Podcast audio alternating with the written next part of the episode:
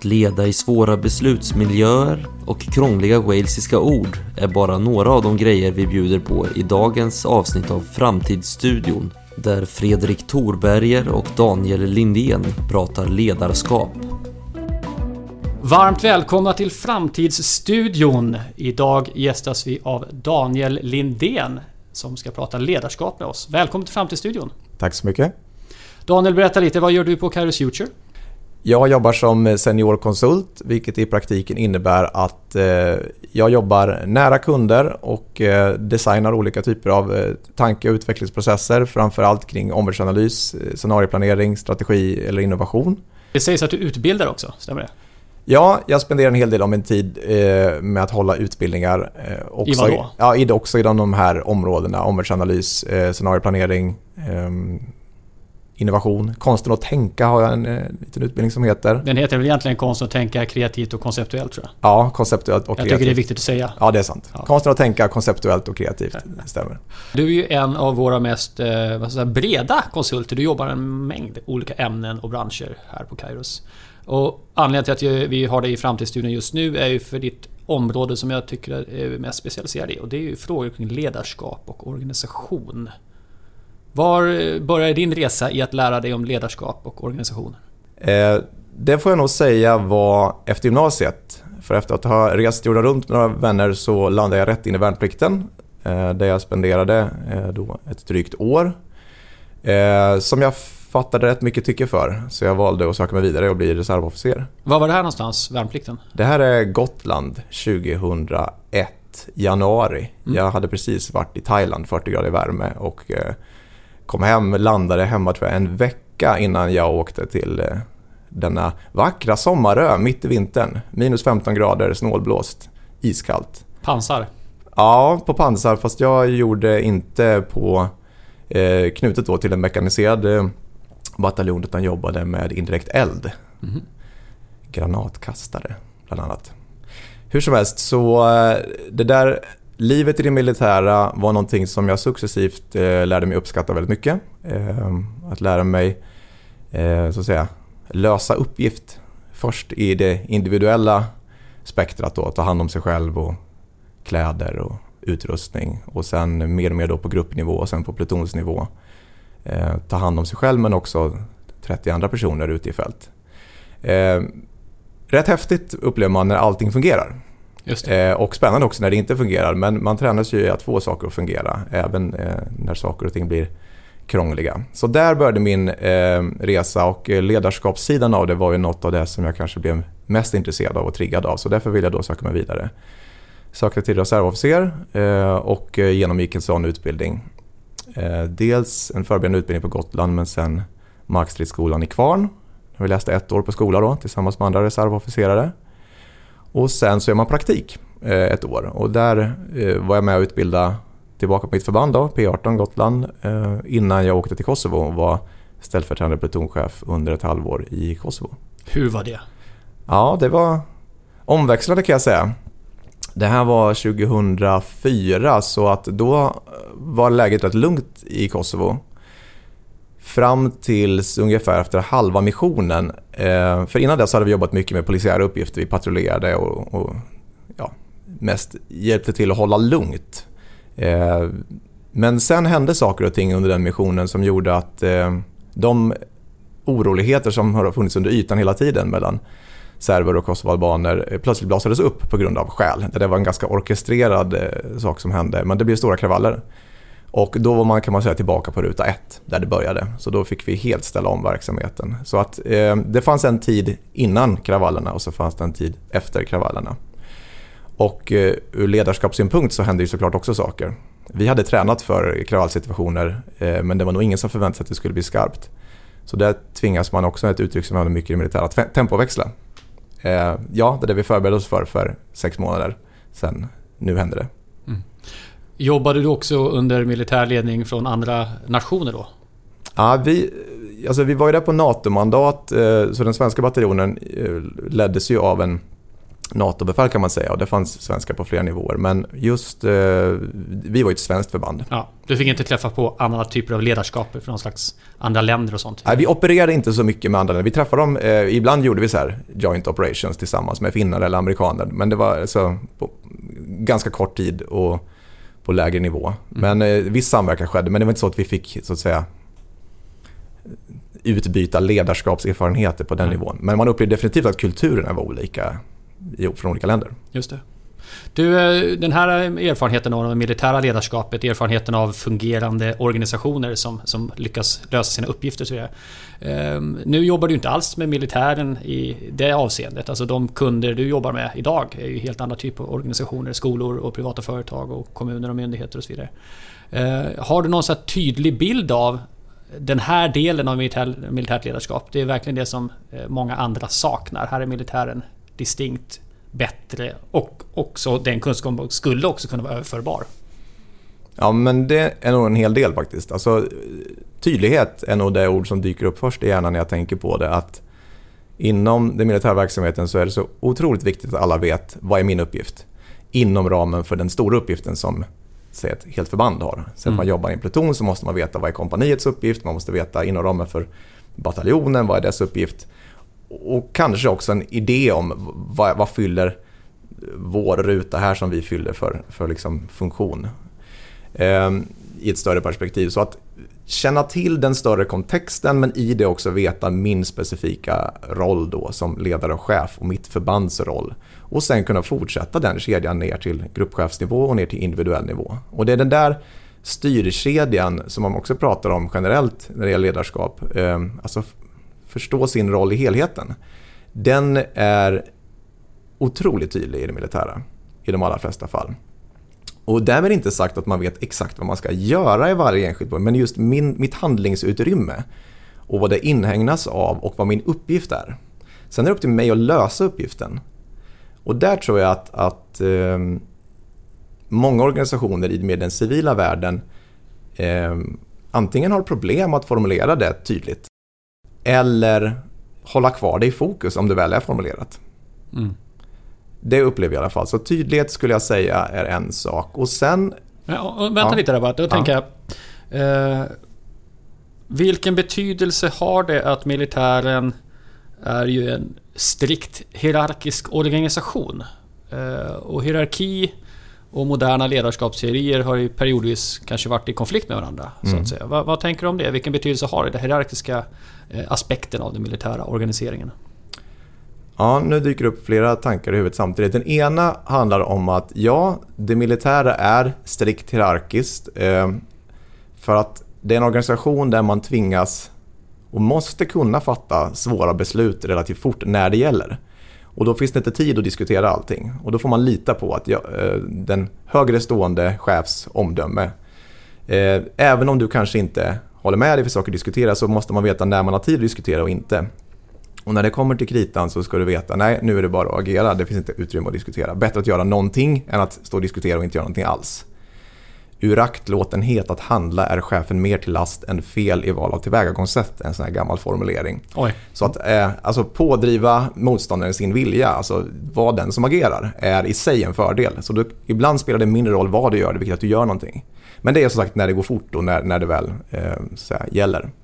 Med det sagt så skulle jag vilja säga att den moderna militära organisationen är inte så strikt hierarkiskt i sitt utövande som det, man kanske föreställer sig. Utan när ett professionellt förband agerar idag, eh, om man tittar på de som ligger långt fram, alltså det är svårt att inte tänka på USA som ju har varit i mängder av konflikter eh, ända fram till dags dato av olika karaktär. Och där har det hänt saker. Eh, man kan se hur näringslivet inspirerades mycket av det militära tänkandet med alltså, ge, ge tydliga mål, uppdrag och sen får underställa lösa uppgiften så att säga. Det har man ju tagit mycket från det militära.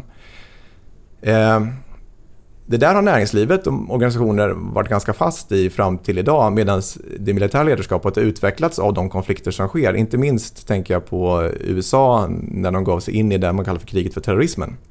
För det var en annan typ av motståndare. Kanske även Vietnam skulle jag säga, för det var alltså en gerillakrigföring de mötte där som var annorlunda.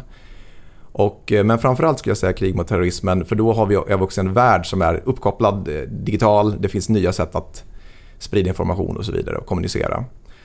För där ändrade man efter ett tag. Man gick rätt mycket på pumpen de första åren men sen var det en general som jag tror, eh, det, jag tror han heter Stanley McChrystal, men McChrystal i alla fall. Och han har skrivit en bok om detta eh, som handlar just om hur de ändrade hela sitt sätt att agera eh, när de märkte att de här motståndarna rör sig för fort och på ett sånt fragmenterat sätt så vi kan inte hänga med. Vi kan inte bilda oss en förståelse för det förrän det är för sent. Och då började man tänka helt annorlunda kring hur man delgav information i organisationen. Och ett exempel på vad man gjorde var att man till exempel lät eh, chefer till, ner till lägsta nivå, alltså till gruppchefsnivå, lyssna in på de högsta chefernas eh, ledningsmöten. Mm.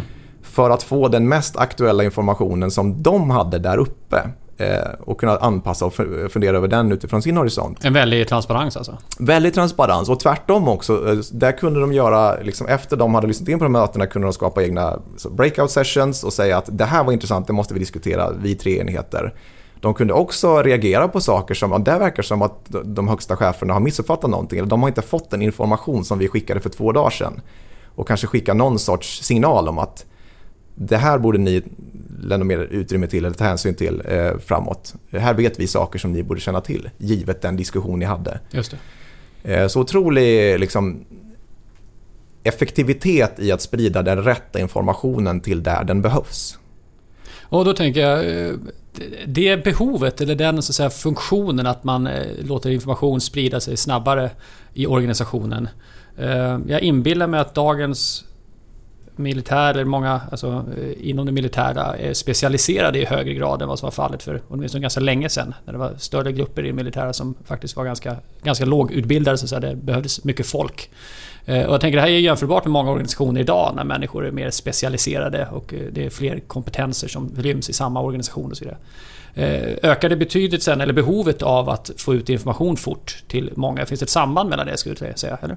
Absolut, för det, dels kan man nog idag förlita sig mer på att människor är mer kompetenta att förstå hur de ska använda informationen, alltså en ökad professionalisering. så det tror jag absolut, att man tänker annorlunda där. sen ska jag säga två saker. Det ena är att vi har inte sett så, bra, så mycket exempel på när det sker en större mobilisering och så här, säger det två nationer står mot varandra. För det är en annan typ av konflikt. Eh, och hur det skulle se ut idag, det, det, vet vi inte riktigt. Eller jag vet inte. Jag har själv inte varit aktiv i det militära på många år så jag kan inte säga att jag har den mest aktuella kunskapen. Men, men jag föreställer mig att eh, vissa saker skulle ju ställas på en annan ända då. Alltså med allt det här sagt som vi har sagt. Men, men det moderna handlar mer om att eh, ha den kompetens som krävs på, på, alla nivåer och trycka ut kompetensen, informationen där den behövs. Ända ut till så här, enskild gruppchef, soldat. Eh, så man har den rätta kontexten att fatta beslut i för att kunna lämna maximalt handlingsutrymme där. Just det. En annan sak jag kommer att tänka på när det gäller det militära som är intressant det är eh, just det här med roller som är otroligt tydliga Eh, och utmejslade. Eh, om man föreställer sig en, eh, en skyttegrupp till exempel så har alla rollen, ja men jag ska kunna verka med mitt vapen och möta fienden och så vidare.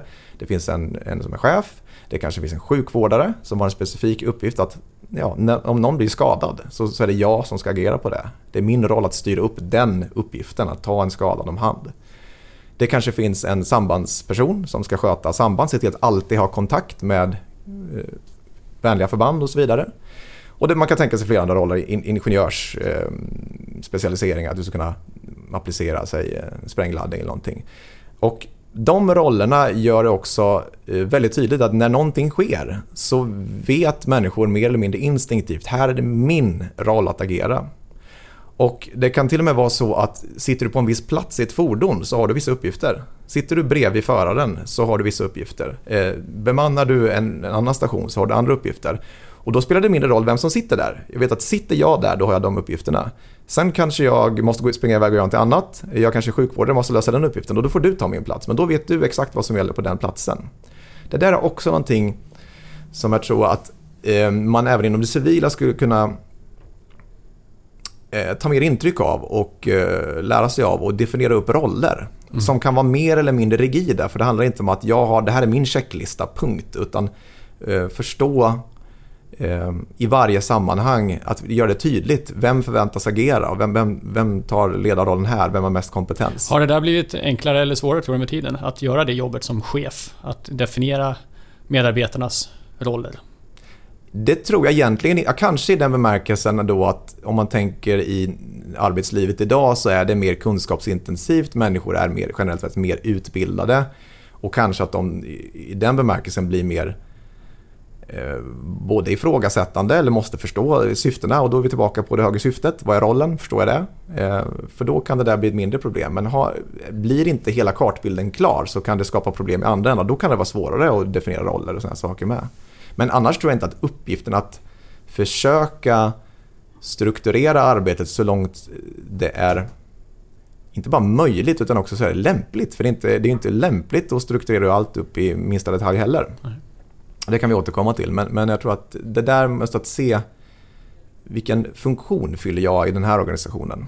Ja, det får mig att tänka också på våra, våra studier om unga medarbetare, vad de efterlyser. Så finns det ju en, ett drag av eh, ett, övergripande tydlighet som visar när har jag gjort mitt jobb? Alltså vad är mitt jobb? Vad är mina förväntningar eller förväntningar på mig? Och hur kan jag eh, tillgodose dem? Vilket jag tror hänger ihop med att man vill inte gå ifrån jobbet och känna sig osäker eller stressad och att det rinner över på, på livet i övrigt så att säga. Utan... Ja, och det där är ju inte bara en ledarskapsfråga. Det där är ju en, en svår fråga för alla människor som idag verkar i kunskaps och tankintensiva verksamheter. Det finns inte en skruv och en mutter du ska skruva ihop och säga där var jag klar. Utan du måste själv i varje stund definiera vad är min skruv, vad är min mutter, hur ser det ut när det är färdigt.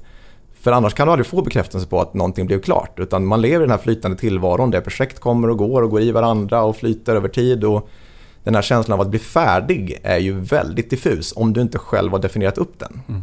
Och precis det kanske också är en av ledarskapets viktiga roller, att hjälpa till att visa. Det, det här är ett, ett, paket, det här kan bli klart. Sen finns det processer som går över tid och de fyller en viss funktion. Och där har vi också mål, eller liksom vad, är, vad är bra kvalitet där. Men hjälpa till att strukturera upp det och definiera det.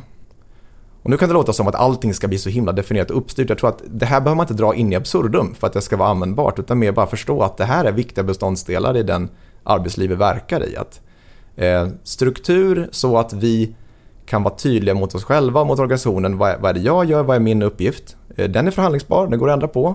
Men så att det blir lite mindre friktioner och otydligheter att lägga energi på. Mm. För där tror jag att det finns mycket så här energiläckage kring sånt som är lite för lite definierat, lite för lite pratat om. Just det.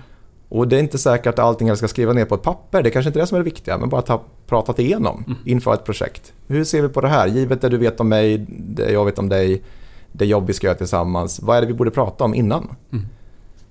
Det får man att tänka också på eh, när vi frågar arbetsgivare hur de tror att arbetstagarna, deras så att säga, eh, kravprofil på ett bra arbetsliv ser ut. Då har vi ju ställt de här frågorna under många år och vi får ett, ett kors då som vi tycker så mycket om. Ett skapat kors med två dimensioner. Det ena är då så att man vill ha ett fritt och utvecklande eh, arbetsliv och motsatsen är lugnt och tryggt då, så att säga. Och det andra är att man jobbar för sin egen skull, egen nytta. Eller att man känner att man jobbar för någon större fråga, något större syfte, någon annan nytta så att säga. Och det är ju slående då att många eh, arbetsgivare förväntar sig att eh, många, de flesta medarbetare trivs då med fritt och utvecklande och man jobbar för något högre syfte. Och man är till och med väldigt extremt ut bland de värdena i förväntan på vad medarbetare söker. Medan när vi frågar medarbetarna så är det väldigt få som ligger där ute. Mm. Eh, och vi kallar just den positionen, det är ju så att säga artisten eller konstnären då så att säga som är väldigt inifrån driven och känner sig del av ett större syfte på något sätt med att skapa något. Men, mm. Eh, men så ser inte medarbetarna själva på det. Så det du är inne på motsvaras ju av en förväntan av tydlighet och, och eh, förutsägbarhet. Inte för alla individer naturligtvis men, men för grupper som helhet så idealet, förväntan, förväntningar från arbetsgivarna är liksom lite off topic kan man säga. Ja men det där är intressant att chefer generellt ligger ju rätt mycket i det hörnet som handlar om alltså fritt och utvecklande men också eh, annan nytta. Eh, och, och, det är inte svårt att förstå för att ska du bli chef och bli en del av liksom ha en ansvarsroll i en organisation så måste det vara jätteviktigt för dig att du känner för den här rollen. Alltså, ja. Jag tror att det är mer nödvändigt om du tar det här chefsjobbet. Känner jag för den här organisationen, känner jag för uppgiften och så vidare. Mm. Och då kan det vara lätt att tro att ja, men då, ska, då kommer alla, alla ska ju känna på samma sätt som jag gör. Eh, men för de allra flesta människor så är ett jobb ett jobb och någonting man gör och i bästa fall så trivs man och tycker det är härligt och sådär. Men det finns ett liv utanför som betyder mer. Mm. Eh, och det ser man ju sagt väldigt tydligt i den bilden du målar upp här, att det är långt ifrån alla som ligger där uppe med, tillsammans med cheferna. I strävan efter det här fritt och utvecklande. Alla vill nog ha det kanske, eller det är många som, men det är inte det de söker sig till när de söker ett jobb. Det är inte det som är ett attraktivt jobb per se. Nej, sen är ju värdet relativt också. Alltså folk vill ju känna sig fria och bli utvecklade på jobbet, men vad det sen betyder är ju stor skillnad mellan olika människor. Mm. Så att, eh, Ja, för med det kommer ju också att, man, att jobbet tas med hem. Det finns där i tanken, du är aktiv, du är engagerad, du är ansvarstagande och då gör det ju svårare att stänga av. Eh, På gott och ont. Det jag tycker varit mest intressant när jag lyssnar på dig och pratar om ledarskap och organisation är att du har ju eh, utforskat att leda i väldig komplexitet eller på gränsen till kaos så att säga. Och det här är ju högintressant när vi nu har ett samhälle som vi i många avseenden måste ställa om och förändra. Eh, grundvillkoren, eh, vilken energi vi använder, hur våra institutioner fungerar, relationen mellan samhället och individen, globaliseringens effekter och eventuella tillbakarullning i vissa avseenden och så vidare. Eh, det här skapar ju ett annat landskap att leda en organisation i. Eh, och jag tänker de som eh, nu sitter i strategisk ledning av en organisation. Kan du säga något om de villkor som de möter idag och framöver som de på något sätt måste förhålla sig till? Jo, vi lever ju i en epok där allt mer av det som är byggt för samhällen kring eh, tenderar att fungera allt sämre eh, medan det dyker upp hela tiden nya möjlighetsrymder med ny teknologi och nya värderingar och så vidare. Eh, och det är allt svårare att veta exakt vilket som är det rätta svaret i en så kallad raplex det vi pratar om. Raplex är ett begrepp som består egentligen av två delar. Eh, RAP står för Rapidly Changing, alltså snabbt föränderligt. Och eh, plex står då för komplexitet, eller ökad komplexitet. Och det här är som två eh, axlar eh, som hela tiden ökar. Det vill säga att samhället eh, tenderar att förändras fortare och fortare. Givet att vi blir, blir mer uppkopplade mot varandra. Informationsspridningen går fortare. Någonting som sker långt borta kommer snabbare dig till del och blir en del av din mentala bild och kanske en del av ditt eh, landskap där du agerar. Ja, påverka marknader och serv- Precis. servicekrav och allt möjligt. Ja, samtidigt blir det mer komplext i och med att det är nya teknologier uppstår snabbt. Ska jag förhålla mig till det här eller inte? Är det viktigt för mig? Vet inte, svårt att veta. Eh, någon eh, aktör långt borta agerar på ett nytt sätt. Eh, det känns som att det här är relevant. Den här uppdelningen, det här ramverket, är det du som har kommit på det eller var kommer det ifrån? Ja, det här oordnat och oordnat, det är ju en ganska generell kategorisering som jag tror säkert har funnits med andra etiketter innan. Men ett ramverk som jag har jobbat med det är det så kallade Canevin-ramverket. Canevin, det kan ni söka på men inte kanske söka som ni tror att det stavas utan det stavas C-Y-N-E-F-I-N. Synefin med C. Eh, walesiskt ord, jag ska inte bottna så mycket i exakt vad det betyder. Eh, och enligt upphovsmannen eh, Dave Snowden, eh, walesare, så var det där ett namn han bara kom på på en konferens när han presenterade ramverket. Så att man ska nog inte lägga allt för mycket. Men det är ett spännande ord som man kan Men vad kan man ha till själva ramverket? Jo, ramverket är egentligen, det, det grundar sig också i en eh, bild av att det finns oordnade och oordnade miljöer. Eh, Den ordnade domänen delas in i en enkel uppenbar domän som är egentligen begriplig för alla normalt funtade människor. Så den ordnade består också av det man kallar för den komplicerade domänen. Där man kan räkna ut svar men du behöver kompetens, expertis, ingenjörskunskap eller kunskap inom medicin. Just det. Eh, Men alla kan det inte. Eh, Men det är experternas domän. Om vi sen går över till den oordnade domänen kan den också delas in i två subdomäner. Dels den komplexa där orsak och verkanssamband är föränderliga. Eh, Vi kan inte räkna ut vad det rätta svaret är men vi kan se mönster i bästa fall och söka och se mönster. Och sen finns det också en domän, domän som heter den kaotiska domänen. Den är som den komplexa bara att det går mycket fortare. Eh, Den är, vi kan ju säga idag att det, liksom, det är kaos på arbetsplatsen. Ofta menar man i det här ramverket att det är en hög grad av komplexitet. Kaos är någonting väldigt specifikt. Väldigt låg förutsägbarhet alltså. Ja, väldigt låg. Och, och det, kaos är någonting som triggas av eh, egentligen ofta ganska extrema händelser som ruckar hela världsbilden. Alltså 9-11 är väl ett exempel på det. Eller kanske en eh, skolskjutning, alltså något ganska radikalt händer som får de mentala strukturerna att ställas på ända. Och man vet inte riktigt alls vad man ska göra. Men ganska snabbt landar man in i den komplexa domänen. Det räcker egentligen med att en person börjar agera så kommer alla andra förhålla sig till det agerandet och så blir det sakta men säkert mer komplext och mer, inte stabilt men eh, förändringen går långsammare helt enkelt. Och eh, det här är ju ett ramverk då som jag har jobbat med organisationer att själva i sin verksamhet definiera upp, hitta exempel, fragment från den egna verkligheten som man ledarna då får träna på att applicera i de här. Vart, vart hör den här frågan hemma? Vad är ordnat? Eh, vad är liksom uppenbart? Ja, men, eh, som vi varit inne på, ekonomisk redovisning kanske är en sån sak. Det finns inget skäl att ändra saker, rutiner och policies där. Ehm, vad är komplicerat där vi behöver expertisen? Eh, och där kan man fråga sig, har vi expertisen själva eller ska vi ta hjälp utifrån eller så? Och vad, vad är komplext egentligen? Vilka är de komplexa frågorna? Ja, bara göra den uppdelningen underlättar i beslutsfattandet och agerandet. Absolut. Ja. Eh, framförallt om man då köper premissen att agerandet bör se olika ut mm. i de olika domänerna. Mm. Och det här, eh, till exempel har jag jobbat med eh, skolor, rektorer, skolledare. Där de får jobba med frågor som psykisk ohälsa eller mobbing. Superkomplexa frågor. Det finns inte ett rätt svar och skälet till mobbingen kan vara olika på olika platser. Det kanske finns beprövad erfarenhet eh, expertis att koppla in men det är inte alltid att den fungerar på samma sätt idag.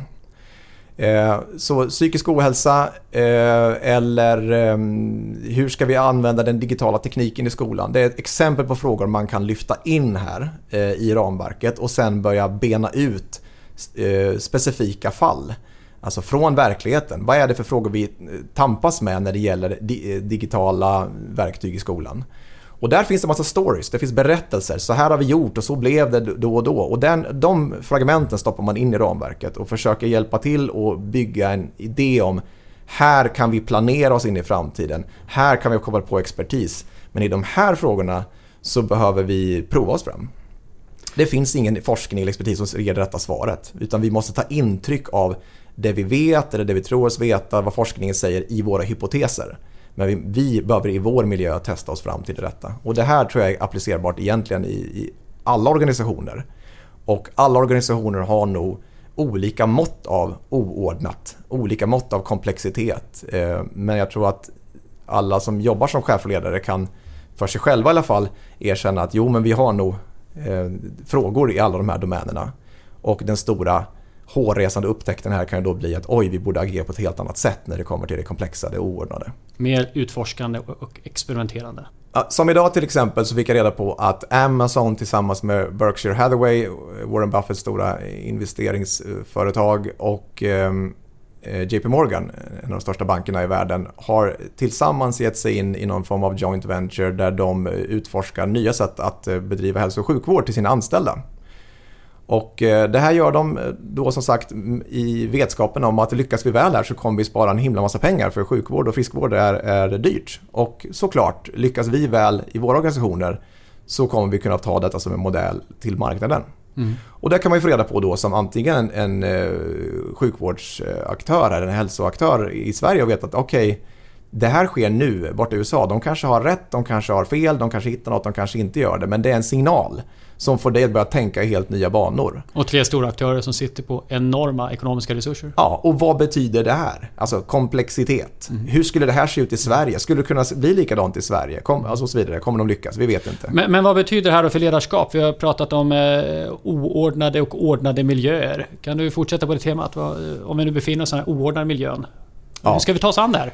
Eh, jo, där handlar det om att se att många av de här utvecklingsområdena idag vet vi inte hur det kommer se ut om 10 år. Ett bra exempel är så här, autonoma fordon. För 15 år sedan sa man att det kommer inte finnas autonoma fordon. Det är alldeles för komplext för maskiner. Att, eh, med visuella och hörselintryck och när vi kör bilar så tar vi ställning till så mycket som maskiner inte kommer kunna göra. Men nu har alla större bilmärken ett program för att ta fram autonoma fordon och vi vet att det här kommer förmodligen bli en del av vår värld under de kommande 10, 15, 20 åren på ett eller annat sätt. Eh, så tekniken finns där, men hur vi som samhällen ska transitera, övergå i en ny värld där fler fordon kör sig själva i någon takt. Där är det ju långt ifrån bara fordonstillverkarna som behöver vara en del, utan där behöver ny lagstiftning till, infrastrukturen behöver säkert förändras. Det är massor med frågor som behöver lyftas, skruvas på, hitta svar på. Eh, och det behövs en, eh, ett sätt att ta sig framåt här. För eh, målbilden någonstans där borta skulle väl vara jättefin om vi alla kunde sätta oss in att fordon åka autonomt kors och tvärs på ett annat sätt än vad vi gör idag. Men frågan är idag komplex. Det finns inte ett enkelt svar utan det finns massor med hypoteser hur det här kan tänkas se ut och vilka som är de bästa investeringarna. Men jättesvårt. Och du menar den här typen av oklarheter, komplexa samband, det gäller de flesta branscher idag? Ja, men jag skulle säga att teknologin, de stora globala frågorna eh, kring energisystem, hållbarhet och massa andra saker. Det finns många frågor här som behöver hitta sitt svar. Och de kommer hitta sitt svar på något sätt. Och, men ingen bransch skulle jag säga är opåverkad av den här typen av eh, stora transitioner, stora förändringar i hur värde skapas i den egna branschen, i den egna organisationen. Så hur ska jag göra då om jag leder en organisation? Jo, då tror jag att det första eh, Eh, är att försöka bryta ner vad är det för konkreta utmaningar vi behöver fundera på. Vilka är de strategiska frågorna eh, specifikt i vår organisation? Och sen då försöka eh, se dem i ljuset av de här beslutsmiljöerna, ordnat och oordnat. Allt är inte komplext i detta, även om det är totalt sett komplexa frågor. Vi, vi kommer behöva ny lagstiftning inom distanssjukvård, vi kommer behöva ny lagstiftning vad gäller fordon och så vidare.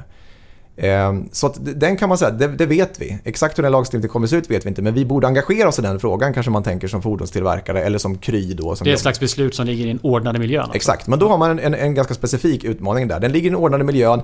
Exakt hur vi ska agera för att vara framgångsrika kanske däremot inte är ordnat. Ska vi samarbeta med den organisationen? Ska vi ta kontakt med lagstiftaren, inleda kontakt där? Vi vet inte vad som är så det rimliga. Och då kan man parkera det då i den oordnade domänen och fundera över okej, okay, vi vet inte vad det rätta svaret är. Vi vet vad frågan är, vi vet vad vår utmaning är, vi vet vad vi vill, men vägen dit är oklar. Orsakssambanden så att säga oklara. Exakt. Eh, så då eh, säger teoribildningen att ja, men vi måste börja agera. Vi kan inte räkna ut vad detta svaret är. Vi måste börja testa saker. Och att testa saker kan vara att göra en, en, avancerad pilot, men det kan också vara att helt enkelt ta kontakt med en person och fråga vad tänker du om det här? Det kan vara ett test, att ta sig vidare i frågan, bygga mer förståelse. Så ett explorativt förhållningssätt. Eh, att bygga förståelse genom att agera. Och det här agerandet eh, behöver man inte hitta en eller två åtgärder. Du kan hitta 14 åtgärder du kan göra parallellt. Det viktiga är för att det här inte ska bli för kostsamt att inte skala upp det och göra stora program eller policies eller ehm, jättepilotprojekt och investera en massa pengar utan ta en summa pengar och dela upp den i små, små högar och sen så försöker man hitta de här bästa hypoteserna. Vad borde vi göra? Och eh, rigga små, små tester eller experiment. Och sen får man se vad som flyger, vad som leder vidare och vad som inte gör det. Så alltså att leda organisationer i en komplex, eh, snabbt föränderlig miljö, det kräver mer experimenterande, testande av småskaliga idéer och lösningar? Ja, det kräver för det första att lära sig se skillnad på vad är komplext eh, svårlösbart, eh, oklara orsak och verkanssamband som vi måste utforska och vad är mer ordnat, det vill säga där vi kan planera, räkna ut vad, vad, vad våra handlingar borde vara. När man då har sedan isolerat ut det ordnade från det oordnade så kan man i den ordnade domänen planera och jobba på enligt det mönstret men i den oordnade med full ödmjukhet inför att vi inte har rätta svaret börja testa sig fram. Ja, det är en förutsägelse om framtidens ledarskap kan man säga. Helt enkelt kravet på att hantera den här komplexiteten, att eh, testa fram lösningar och eh, eh, sätta upp hypoteser, prova den småskaligt i verksamheten. Även om det, oavsett om det är privat eller offentlig verksamhet. Eller offentliga ibland kanske sliter också med att alla mottagare, alla medborgare, alla patienter ska få samma service och sjukvård och så vidare. Men här kan finnas ett behov av att helt enkelt våga köra de småskaliga experimenten i en föränderlig tid helt enkelt. Ja, jag tror att kraven på att se detta och förhålla sig till komplexitet kommer definitivt öka. Och det här har vi redan sett ganska tydligt i dagens värld man brukar prata om det här med agila organisationer, agilt ledarskap och det är definitivt ett svar på detta. Det här är något som växer fram framförallt inom mjukvaruutveckling idag. Där man ska ta fram eh, produkter då till konsumenter och man vet inte exakt hur konsumenten vill ha det. Man måste testa, iterera sig fram och så tweakar man hela tiden. Uppdateringar kommer varje vecka när man gör små, små förändringar och, och man, man testar nya saker hela tiden. Eh, det är inte alla verksamheter som går att testa lika lätt som en mjukvara. Men angreppssättet, approachen, idén om hur man provar sig fram börjar nu sprida sig i stora delar av arbetslivet skulle jag säga. Ja, man ska betänka också att det samhälle vi nu tar för givet har ju också experimenterats fram någon gång så att säga innan det satte sig just de här formerna som vi nu håller på att förändra. Just det. Skulle du vilja ge någon annan prognos om framtidens ledarskap? Vad tror du skiljer ledarskapet på en arbetsplats om 15 år jämfört med idag? Jag tror så här att eh, ledarskapet och behovet av ledarskap i olika organisationer kommer alltid se så att säga, olika ut. Det kommer inte finnas en typ av ledarskap som är vettigt i alla organisationer. Jag tror fortfarande det finns organisationer som leds med liksom under mer industriella premisser och går jättebra på det viset. Medan det finns eh, organisationer som jag var inne på inom mjukvaruutveckling. Skulle du leda det på det viset på ett gammalt industriellt maner så fungerar det inte alls. Eh, så det här är nog eh, någonting som varje chef och ledare behöver fundera över. Man pratar också om det situationsanpassade ledarskapet. Alltså vad är det våra organisationer och våra medarbetare behöver i denna stund givet de utmaningar vi står för på vår avdelning eller i hela vår organisation. Eh, och det är också därför man byter ut ledare. Alltså vissa ledare är bra på att förändra, driva förändring. Eh, andra ledare är bra på att förvalta. Så jag tror inte att det finns en typ A-ledare eh, som går att lyfta fram och säga att det här är framtidens ledare. Däremot tror jag att det vi pratade om nyss, att förmågan att alltså leda är ju att verka genom andra. Att låta, alltså hjälpa människor att förlösa sin potential, sin förmåga tillsammans. Och den typen av ledarskap som handlar om att coacha människor i grupp och få gruppen att prestera på toppen av sin förmåga är någonting vi redan ser blir allt viktigare och jag tror inte det kommer bli mindre viktigt framåt. Med de orden så rundar vi av Framtidsstudion för den här gången. Tack Daniel för att du kom hit och delade med dig av dina tankar och erfarenheter. Tack så mycket. Och till övriga lyssnare säger vi på återhörande.